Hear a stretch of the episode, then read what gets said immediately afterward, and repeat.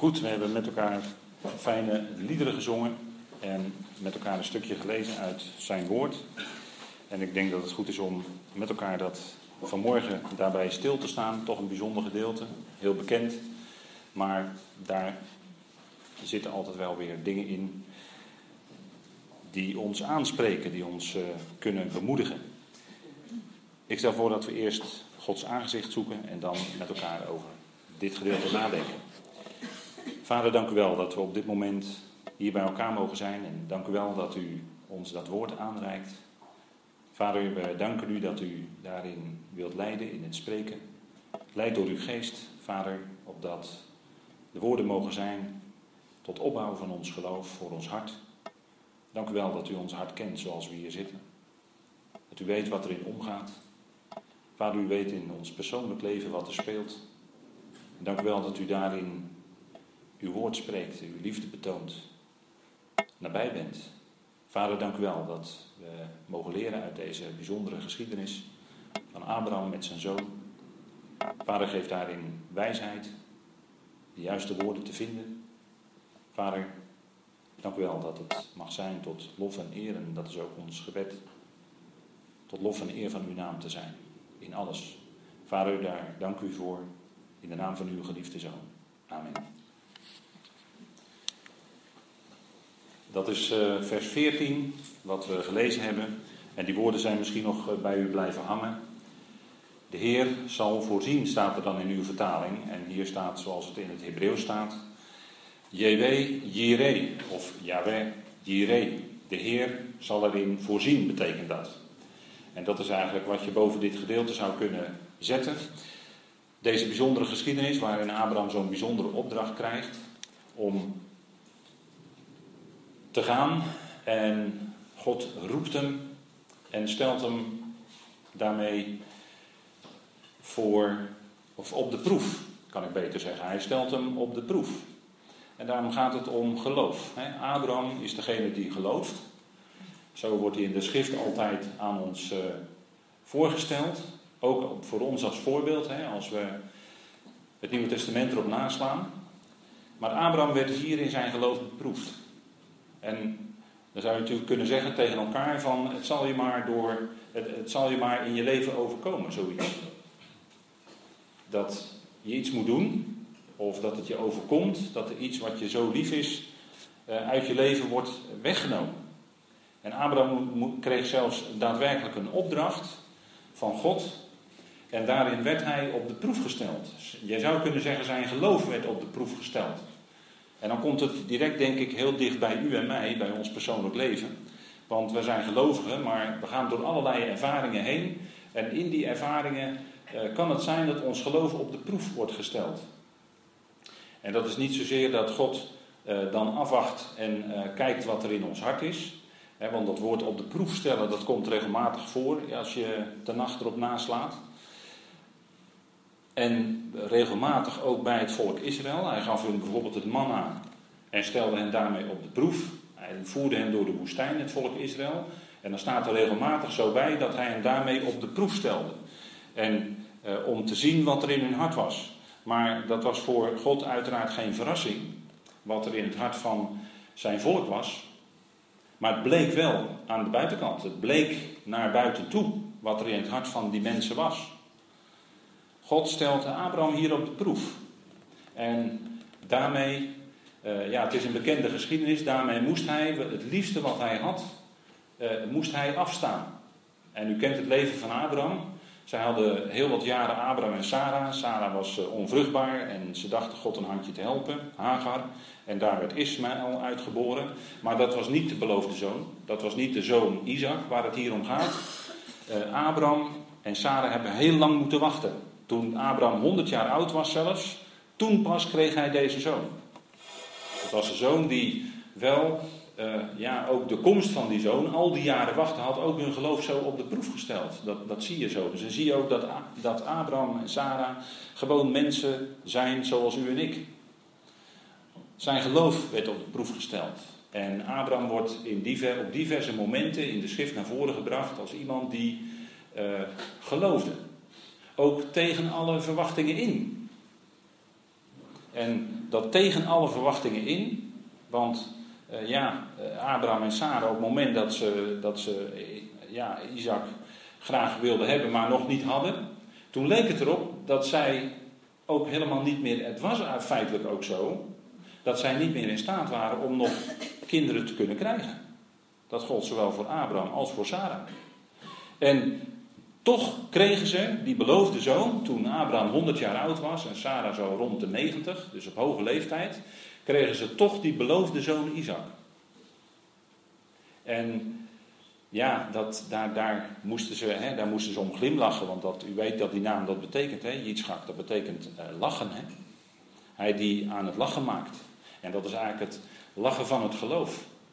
Hè, als het om Isaac gaat, ja, dan moet je lachen, want het is eigenlijk die zoon die er eigenlijk helemaal niet had kunnen zijn, maar die door God toch gegeven werd. En eigenlijk was dat, en zo ervoer Abraham dat ook, dat, dat, dat staat ook in de Bijbel, dat hij dat zag als leven uit de doden. Dus Isaac is eigenlijk al die zoon die, die leven uit de doden voorstelt. En Abraham, ja, zijn naam betekent uh, hoge vader van een menigte. Maar dat er een menigte uit hem voort zou komen, daar heeft het lange tijd in zijn leven helemaal niet op geleken. En hier ziet u op dit plaatje dat dat die belofte, hè, dat is het moment dat, dat God dan die belofte herhaalt aan Abraham, dat zijn nakomelingschap, zijn zaad zou zijn als zand aan de oever van de zee, zo talrijk en als ster aan de hemel, wat je ook niet kan tellen. Maar Abraham geloofde God tegen alles in. En dat is nou het wonderlijke van geloof. De omstandigheden kunnen zo tegenstrijdig zijn aan, aan de vervulling, hè, dat het totaal niet op lijkt dat God die belofte gaat vervullen. Maar niettemin kan dat geloof in ons leven zo belangrijk zijn. En is het ook heel erg belangrijk dat het in, in situaties waarin het totaal niet erop lijkt, waarin we het moeilijk hebben, waarin ons geloof zelfs beproefd wordt, kan toch God die vertroosting geven, dat woord spreken in ons en ons geloof daarmee opbouwen, zodat we tegen misschien alle omstandigheden in toch die die wonderlijke vrede en rust kunnen ervaren. Beproeving van het geloof. En bij Abraham was dat nog. Nogal wat. Hè? God stelde hem op de proef en hij zei tegen hem Abraham. Hij riep hem bij zijn naam. Neem toch uw zoon.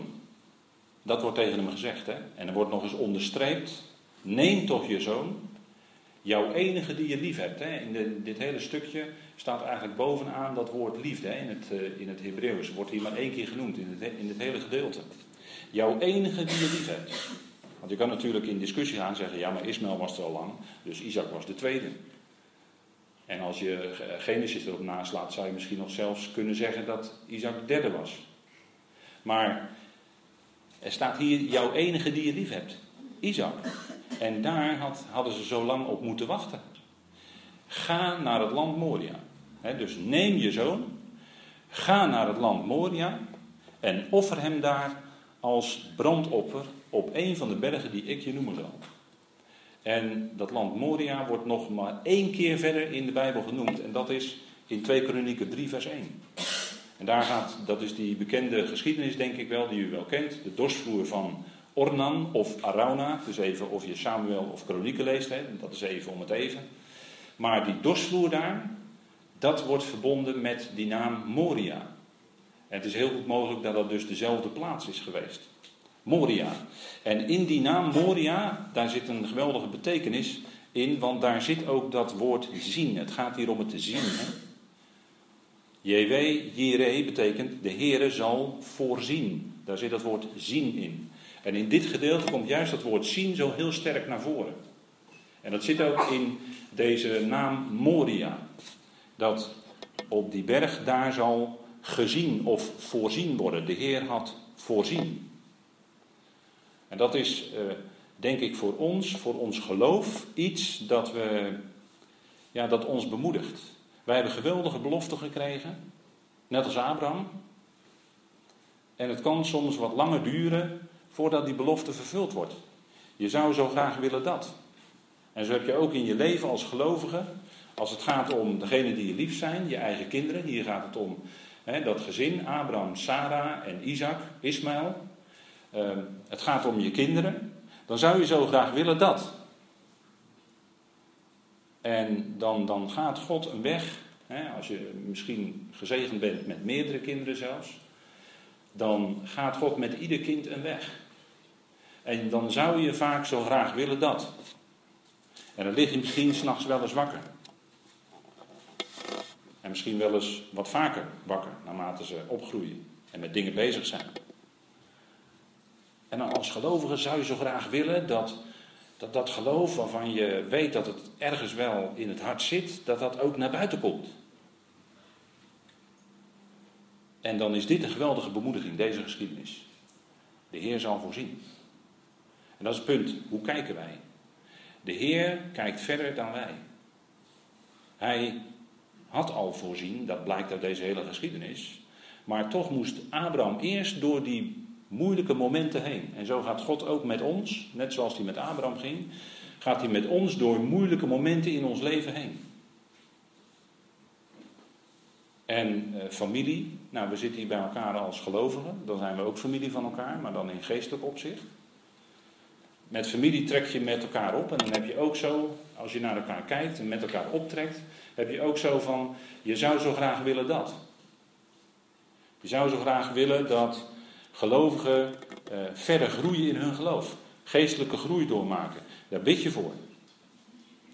En daar lig je ook wel wakker van als er uh, moeilijke periodes zijn.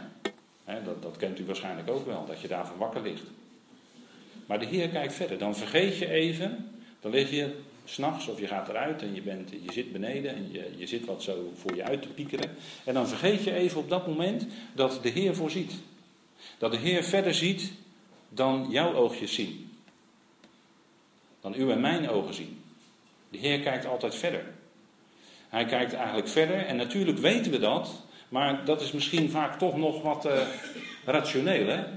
Maar het gaat erom dat het in het hart, dat het hart ook meekomt op den duur. Natuurlijk leren wij dingen die wij mogen weten, maar dat hart moet ook meekomen. En dat was bij Abraham.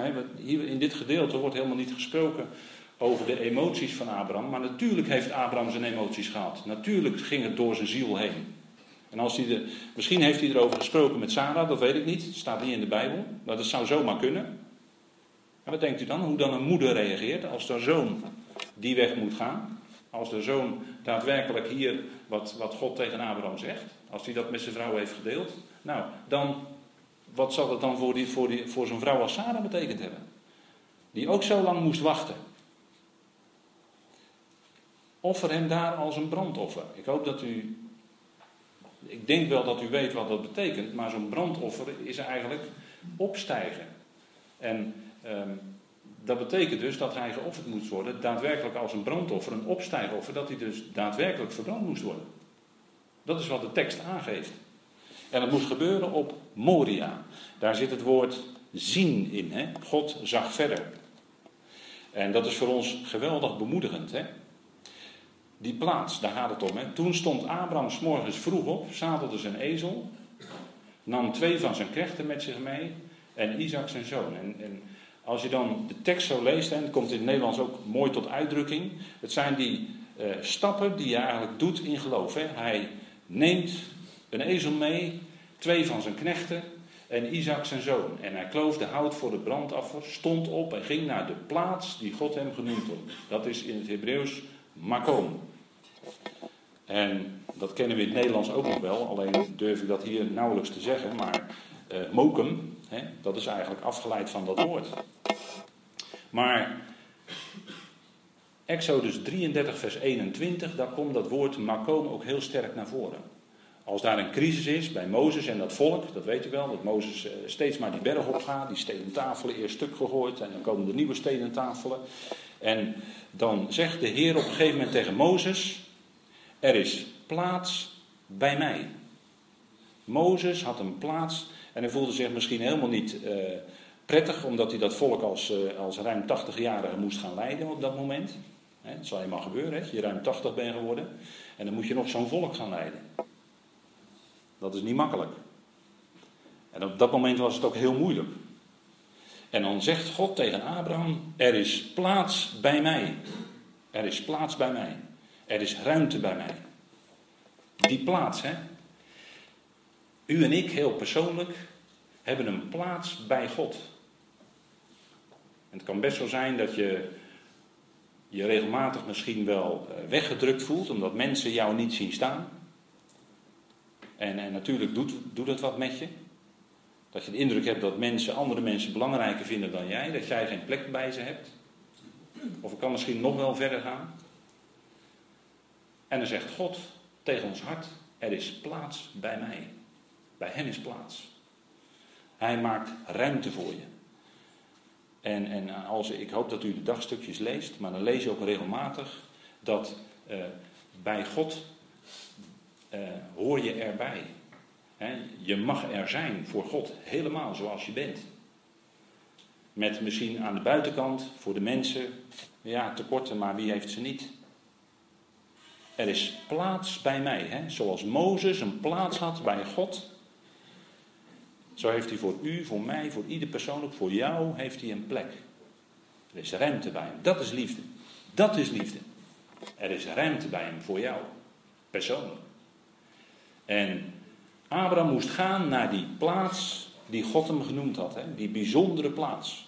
Daar lees je aan voorbij in de tekst. En daarom meen ik dat het, dat, dat, dat het de bedoeling is om daarop te wijzen vandaag. Hè? Het gaat om die plaats. Hè? We hebben die plaats bij God. Waar we altijd kunnen binnenlopen. Het gaat ook om Jewe Jireh. Yahweh is de God die zegt: Ik trek met je mee, ik trek met je op, ik ga met je mee. Ik ben bij je dat is ik ben. Waar, uh, zoals, zoals hij zich ook, om nog even bij Mozes te blijven, zoals hij zich ook bekend maakte aan Mozes in die brandende braamstruik. Waarop de Heer zei, hier is heilige grond, hier is apart gezette grond Mozes, want hier maak ik mijn naam bekend. Ik ben bij je, ik zal er zijn. Kun je ook vertalen, dat maakt allemaal niet uit. Ik was er gisteren, ik ben vandaag bij je en ik zal er morgen zijn. Voor wie? Voor jou. Voor u, mij persoonlijk. En Abraham moest gaan naar die bijzondere plaats. Die bijzondere plaats waar hij zo'n moeilijke opdracht kreeg van God. En we zien dat hij hier. Ja, eigenlijk zien we geen aarzeling. Het wordt niet aangegeven in de tekst. Misschien wel als mens. Daar zie je tegenop. En we zien in ons leven zo vaak tegen dingen op. Maar we zien hier geen aarzeling bij Abraham. God sprak. Abraham geloofde en hij handelde met dat diepe geloof in zijn hart, handelde hij. En we lezen daar later ook iets bijzonders over. Hè? Wat, nou, wat was nou in Abrahams hart wat maakte dat hij dit zo kon doen? Dat hij heel bewust die stappen deed van geloof en naar die plaats kon gaan, die bijzondere plaats die God hem genoemd had. En uh, God, dat is in het Grieks plaats aanwijzen, dat weet u wel, dat is vaak genoemd. Maar die plaats in ons leven waar Hij ons nu zet, dat is die plaats waar we moeten zijn. Anders was het een andere geweest. En, en hoe is het nou op die plaats in ons leven vandaag? dat, dat is ook een zaak van geloof. Van vader, dit is de plek waar ik nu moet zijn, vandaag. Of morgen, of volgende week. Dat is de plaats die u me wijst. Maar op die plaats is Hij nabij. we zongen uh, in, in, de, in uh, de liederen zongen we uh, groot en machtig is Hij. Dan denk ik van ja, dat kun je mooi zingen. Dat kun je mooi zingen. God is groot en machtig is Hij. En hoe is dan morgen? In je situatie waarin je bent. En, en dat lied groot en machtig, ja, dat, dat zingen we wel. Maar waaruit blijkt dat dan, dat God groot en machtig is? Waaruit blijkt dat? Hoe kunnen we dat zien? Dan zou je de vraag aan de schrift kunnen stellen. Goed vader, maar maak dat nu eens concreet. En vader heeft dat concreet gemaakt. En dat is, daar is deze, deze geschiedenis natuurlijk een geweldige voorafschaduwing van. Hier zitten natuurlijk geweldige beelden in naar de toekomst. Maar Abraham moest gaan naar die plaats die God hem genoemd had. En op de derde dag sloeg Abraham zijn ogen op en hij zag.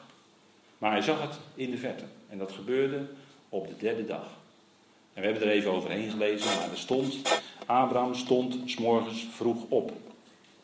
Dat wil dus zeggen, dat gaat hier over de opstanding. Zo moet je dat lezen hè, in de schrift. Het gaat hier over opstanding. En daar spreekt dit hele gedeelte in feite van, hè, van opstanding. Op de derde dag hief Abraham zijn ogen op en hij zag. En dan gaat het erom, hoe kijk je in je leven? Wat zie je? Kijk je naar de omstandigheden? Kijk je alleen naar het hier en nu en alles wat om je heen is? Nou, ik kan u vertellen, dan raak je in paniek hoor. Als je goed kijkt en je denkt er goed bij na en je geloof op dat moment, ja, dat, dat besef je dan niet zo. Maar je kijkt naar al die berichten die er zijn, al die paniek die er is in de wereld, al die onrust, daar word je bang van. Als je daar echt goed bij nadenkt, waar moet het naartoe? Maar het geloof, hè, Abraham kon hier als gelovige kijken en hij zag die plaats in de verte. Op de derde dag. Dat is ook de dag waarop de belofte vervuld wordt. Hè? Natuurlijk de dag van de opstanding. En de opstanding was beloofd. Maar ook, opstanding was ook beloofd de dag waarop de belofte vervuld wordt. Op de derde dag. Zag hij het in de vette. En zo spreekt de Hebreeënbrief er ook over in hoofdstuk 11. Het dertiende vers, daar moet ik nu aan denken. Daar waar de aartsvaders, Abraham, Isaac en Jacob, hebben van verre de belofte gezien. Van veraf. Ze hebben de vervulling niet mogen meemaken. En in die tussentijd, ja, dan voelden ze zich vreemdelingen en bijwoners, staat er dan. Hè? Vreemdelingen en bijwoners. En wij in deze wereld, als je tot geloof komt, dan heb je dat niet, nog niet zo door. Maar er is, daar zijn natuurlijk, je, je, leeft, je ontdekt dat je in een omgeving leeft waar je, waarin je langzamerhand een beetje vreemd gaat voelen. En, en uh, in het verleden hebben de, de, de monniken van de kerk hebben daar een verkeerde conclusie uitgetrokken. Die zijn in een klooster gegaan. Maar dat is natuurlijk niet de bedoeling. We staan midden in de wereld. En dan zeggen we altijd, we zijn er niet van. Dat geloof zit in ons hart, zit van binnen. En van binnen kun je dan toch, hoewel je met iedereen omgaat, omdat je weet dat God met ieder zijn weg gaat, met ieder een plan heeft. En toch kun je je vreemdeling voelen en bijwonen. Kun je toch vreemd voelen in situaties. Maar als je kijkt met de ogen van het geloof, dan kijk je verder. Hè? Dan kijk je naar de toekomst. Wat gaat God nou doen? Wat gaat God nou doen met die ander die ik in mijn leven ontmoet? Daar gaat hij ook mee tot zijn doel komen. En misschien kunnen, kunnen wij dan als gelovigen iets van die liefde bekendmaken. Abraham zei tegen zijn knechten: Blijven jullie hier met de ezel, dan zullen ik en de jongen daarheen gaan. En als we ons neergebogen hebben, zullen wij bij jullie terugkeren. Dat was ook een zin waaruit zijn geloof bleek hè, van Abraham. Zullen wij bij jullie terugkeren. Nou, neerbuigen, en dat, dat kent men in het oosten wat beter dan hier, alhoewel wij er hier ook steeds meer uh, van zien, hè, in het westen. Maar dat neerbuigen, dat ging vaak zo, zoals op het plaatje staat. Hè, of helemaal uh, lang uitgestrekt op de grond liggen. Neerbuigen voor die hogere macht, of voor God, of voor en zo in aanbidding zijn. Hè? Jezelf helemaal, hè? dat betekent op het moment dat je dan bidt en je neemt die houding aan, als het goed is wil je dan daarmee zeggen, ik geef me helemaal over aan die hogere macht, aan God, want die kan dan over mijn leven beschikken. En dat is wat Abraham zei, als wij neergebogen hebben, en dat, dat buigen, hè, dat zit eigenlijk ook in ons jaarthema van dit jaar, waar we in de zomer over hopen na te denken in Maren. Maar dat neerbuigen zit in ons jaarthema. Hè? Buigen. Als, als gelovigen. Buigen voor God. Hè? Voor in geloof. We hebben van de week het gehad over, over onze Heer Jezus, die in ootmoedige gezindheid enorme heerlijkheid had, een enorme hoogte, en af is gedaald, en in de gelijkenis van de mens is geworden, en gehoorzaam is geworden tot de dood, ja zelfs de dood van het kruis. En hoe hè, gehoorzaamheid, hè, neerbuigen, gehoorzaamheid, dat zit natuurlijk heel dicht bij elkaar. En de Heer is ons daarin een geweldig voorbeeld. Dat hij in geloof die weg is gegaan. En, en op het moment dat het het allermoeilijkst werd, knielde hij ook in Gethsemane en bad. In die, in die moeilijke uren waarin hij onder enorme druk stond. Vader, niet mijn wil. Hij had wel een eigen wil. Maar hij bad, niet mijn wil, maar uw wil geschieden. En, en dat is ook wat we, die houding zien we ook bij een Abraham terug. Ootmoedige houding. Niet van jezelf, moed hebben, ootmoedig, in geloof. En, want Abraham zei, wij zullen bij jullie terugkeren. En hoe kon Abraham dat nou zeggen? Hij moest zijn zoon offeren Hij nam een mes mee, hij nam hout mee, hij nam vuur mee zelfs. Dus hij had zijn zoon helemaal moeten offeren als een opstijgend offer, dus helemaal verbranden zelfs. En toch zegt hij, wij zullen bij jullie terugkeren. Dat is geloof. Dat is geloof in die belofte die God gegeven had. Dat God nakomelingen zou geven. Zelfs een menigte. Het zit in zijn naam Abraham. Vader van een menigte. En Abraham, die geloofde die woorden. Hebreeën 11 zegt daar iets over. Hè? Dit is het geloof. Hè? Door het geloof heeft Abraham, toen hij op de proef gesteld werd, Isaac geofferd. Isaac. De zoon van zijn liefde. De zoon waar Abraham en Sarah dol op waren. Het was de zoon die God gegeven had na zoveel jaar. En notabene die, die die zo lief had. Die moest hij gaan offeren. Maar Abraham heeft het gedaan. Hij is die weg gegaan. Hij heeft die de belofte ontvangen had, heeft de enige geborene geofferd. Want hij heeft het in feite gedaan. Hè? Tegen hem was gezegd dat uit Isaac zal uw nageslacht geroepen worden. Door Isaac zou het komen. En hij rekende, hè, er staat in uw vertaling misschien overwoog, maar dat rekende vind ik net iets scherper. Hij rekende dat God bij machten was. Hem ook weer uit de doden op te wekken. Kijk, dat geloof. Dat geloof in de opstanding, in die macht van God, in de kracht van God. Daaruit had Abraham de kracht om te gaan. Naar die plek waar hij zijn zoon moest offeren. Het meest lieve wat hij had. En dan staat er waaruit hij hem in gelijkenis ook terugkreeg. Dus eigenlijk wil die geschiedenis zeggen dat Isaac in feite, hè, Abraham had het in feite al in zijn hart ook besloten in geloof. Ik ga het doen. Want ik geloof dat, dat God hem uit de dood kan opwekken. Hij had die zoon in feite al gekregen als leven uit de doden. Eigenlijk gaat deze hele geschiedenis nog meer over opstanding dan over, over de dood. Eigenlijk blijkt dat uit aan alle kanten. En hij rekende zo. Hè? En dat is voor ons denk ik een geweldig voorbeeld. Zo rekenen wij ook in geloof. En dat is iets wat je moet leren. Dat is iets wat je niet zomaar, je komt tot geloof en de volgende dag kun je zo rekenen zoals Abraham. Dat kan niet. Dat, dat is ook, daar is ook een stukje groei voor nodig. Dat je rekent met die belofte die God gegeven heeft. En dat je daardoor wat verder gaat kijken. Hè. Die, die gelovigen uit, uit uh, de, de, periode van uh, de aartsvaders, die hadden die belofte van verre gezien. Maar ze hadden niet de vervulling meegemaakt. En zo hebben wij ook talrijke beloften gekregen waarvan we de vervulling nog niet hebben meegemaakt. Maar het gaat wel komen. Het gaat wel komen. En op weg daar wordt ons geloof misschien danig op de proef gesteld. Gaan we misschien door diepe dalen heen. Als misschien ook in ons leven dat gebeurt, dat iets of iemand wegvalt, wat ons heel lief is. En hebben we het moeilijk mee, daar worstelen we mee. En het gaat ook niet buiten de mens om. Maar het wonderlijke is dat toch in de schrift eigenlijk heel weinig wordt gezegd over Abrahams gevoelens daarbij. En natuurlijk heeft hij ze gehad. Natuurlijk was dat voor Abraham heel erg moeilijk. Maar wat, wat ging daar bovenuit? Het geloof. Hij geloofde God. Hij geloofde in de God die de doden levend maakt. En dat is werkelijk ook goed nieuws. Dat is wat we tegen elkaar kunnen zeggen. We, hebben een, we mogen een geweldige God kennen. Dat is genade. We mogen Hem kennen. Geweldige God. Die de doden levend maakt. Dat is elke keer als we iemand, en soms op hoge leeftijd, hè, dan is er ook een dankdienst. En dan mogen we iemand ter aarde bestellen in de verwachting dat God ook diegene zal wekken bij de bazuin. En dat is wat onze toekomst is. En zo kun je in geloof verder kijken. Daarop nam Abraham het hout voor het brandoffer, legde dat op zijn zoon Isaac. Hij zelf nam het vuur en het mes in zijn hand en zo gingen zij beiden samen. En eigenlijk zit daarin, hè, zo gingen ze beiden samen.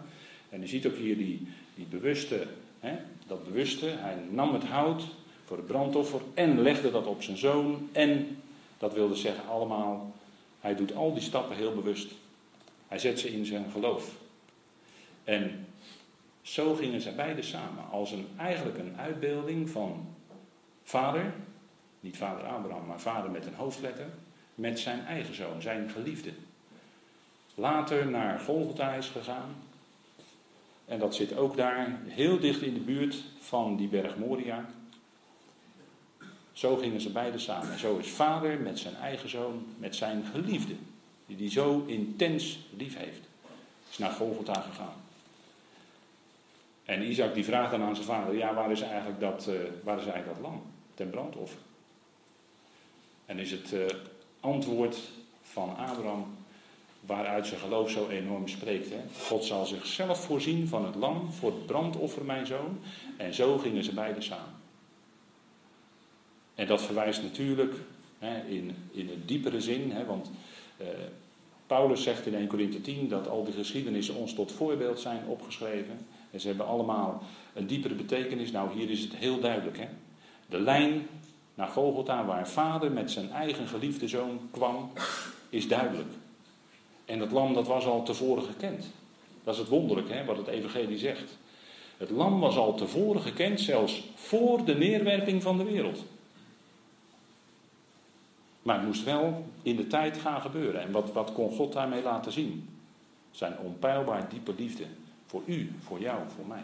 Zover was hij bereid te gaan om ons als mensen los te kopen. Dat is liefde. Dat je het liefste wat je hebt wil opgeven in de dood voor een verloren mensheid. Maar het wonderlijk is in de schrift dat al het verlorene wordt gevonden. Gaat u het maar na. Het verloren schaap, de verloren penning, de verloren zoon, de verloren zoon. Ook zo'n ontroerend verhaal wat de Heer vertelt, hè? de verloren zoon. Maar het komt allemaal terug. Het komt allemaal terug bij de Vader. Dat is geweldig, hè? dat is wat de schrift duidelijk maakt. Al het verlorene wordt gevonden. Mijn kind, misschien uw zoon of uw dochter, waar je het misschien moeilijk mee heeft. God gaat daar zijn weg mee. En we hebben die geweldige belofte. En dat is niet makkelijk om even te zeggen. Maar het is wel zo dat als je daarmee worstelt, vader, u gaat daar uw weg mee. En dan kun je misschien weer verder naar de volgende dag. Maar zo gingen ze beiden samen. Hè. Besef wat vader heeft overgehad. En ze kwamen op de plaats. Hè. Weer dat bepalende makoom. Hè, die God genoemd had. En Abraham maakt alles gereed. En legde zijn zoon op het altaar. En dit was, want in de geschiedenis, wat verteld wordt, wordt Isaac niet daadwerkelijk omgebracht. Hè? Bij gelijkenis wel, zegt Hebreeën. Maar niet daadwerkelijk. Want op het moment dat Abraham het mes heft, komt er een boodschapper en die zegt: Abraham, Abraham.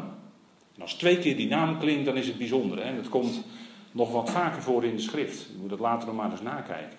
We hebben het vanmorgen ook gezongen trouwens: Martha, Martha. die eh, bekende geschiedenis van de Heer met Martha en Maria. En Martha was heel druk bezig. Maar de Heer zei: één ding is nodig. Eén ding is nodig. En dat is voor ons geloof. Hè? Dat we ook moment hebben dat we daadwerkelijk even onszelf stilzetten en luisteren in al die drukte van andere mensen of wat je zelf misschien denkt of wat je zelf voelt of in al die drukte even stilzetten, de knop om en dan luisteren naar wat, wat God te zeggen heeft. En dan merk je, misschien na tien minuten of na een kwartier, dat het van binnen ook al wat rustiger wordt. Gewoon even een moment van stilte. Wat zegt, wat zegt u nou, vader? Wat zegt u? En dan kan het best zijn dat je dan weer verder kan.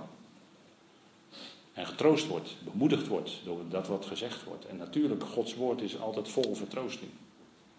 God is de God van alle vertroosting. Dus als je echt troost nodig hebt, je kunt altijd bij vader terecht, sowieso.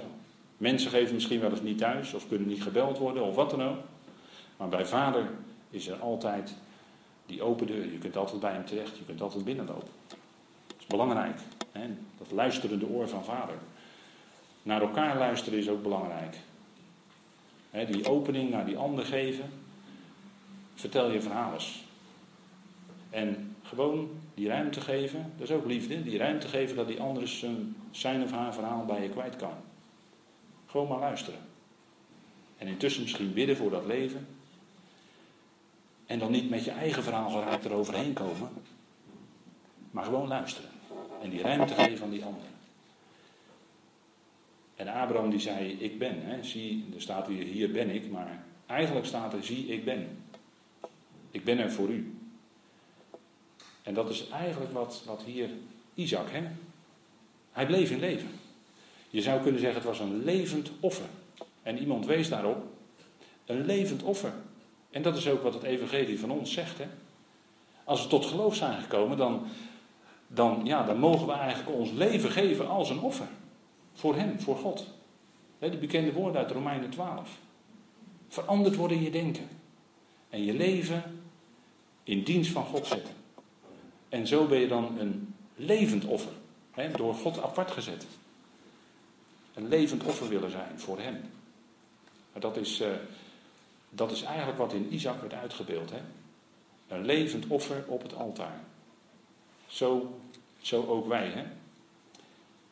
JW riep vanuit de hemel, hè? de boodschapper. En dan zijn zijn naam twee keer. En dan is het een heel belangrijk moment. Hè? Net zoals het ook eh, bij Samuel was, bijvoorbeeld. Hè? Er zijn zeven voorbeelden van, maar Samuel, Samuel.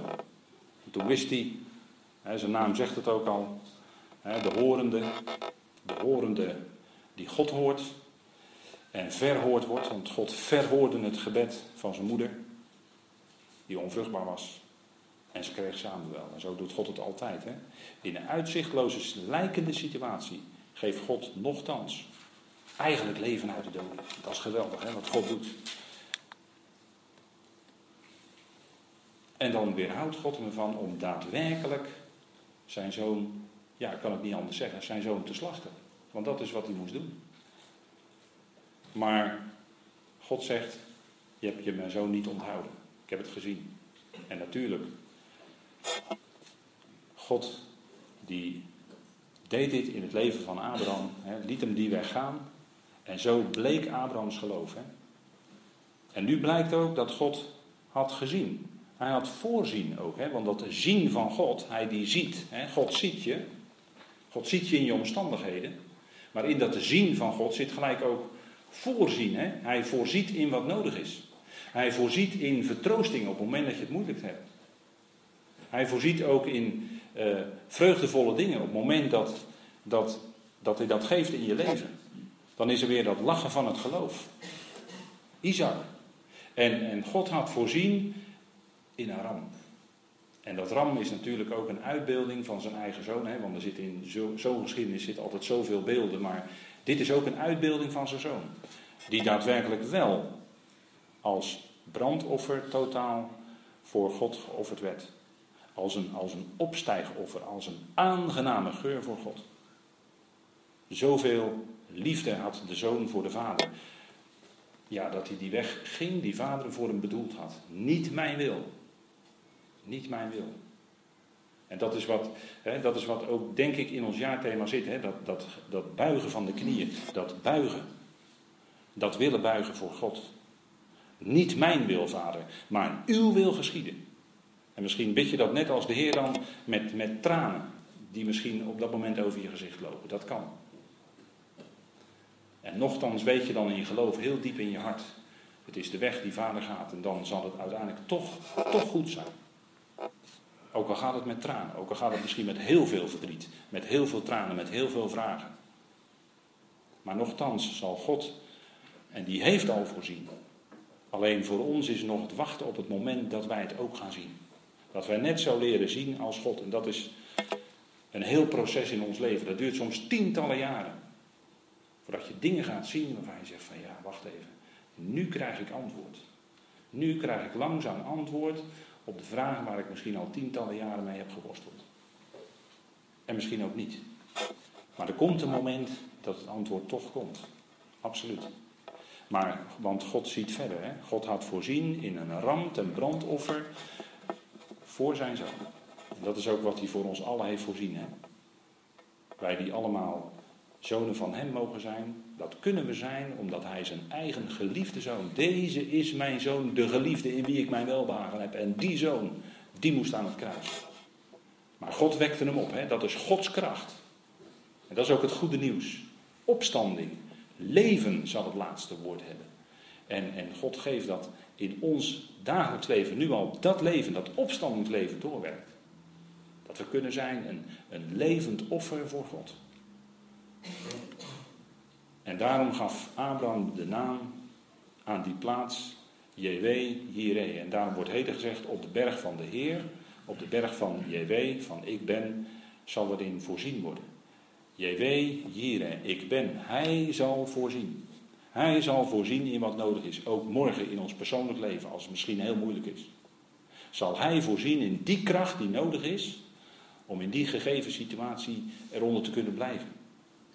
We zeggen dan kunnen blijven staan, maar eronder te kunnen blijven. God zal die kracht geven, dat is zijn belofte. En die maakt hij waar. als je zo gaat kijken, hè, als je zo gaat kijken, dan ga je gaandeweg steeds meer op God zien. En verwacht je het hoe langer hoe meer dag aan dag van Hem. JW Jireh, Hij, de Heer, zal voorzien. Hij zal erin voorzien. Waarin? In alles wat nodig is. Amen. Goed, ik stel dat wij, voordat wij een lied zingen met elkaar,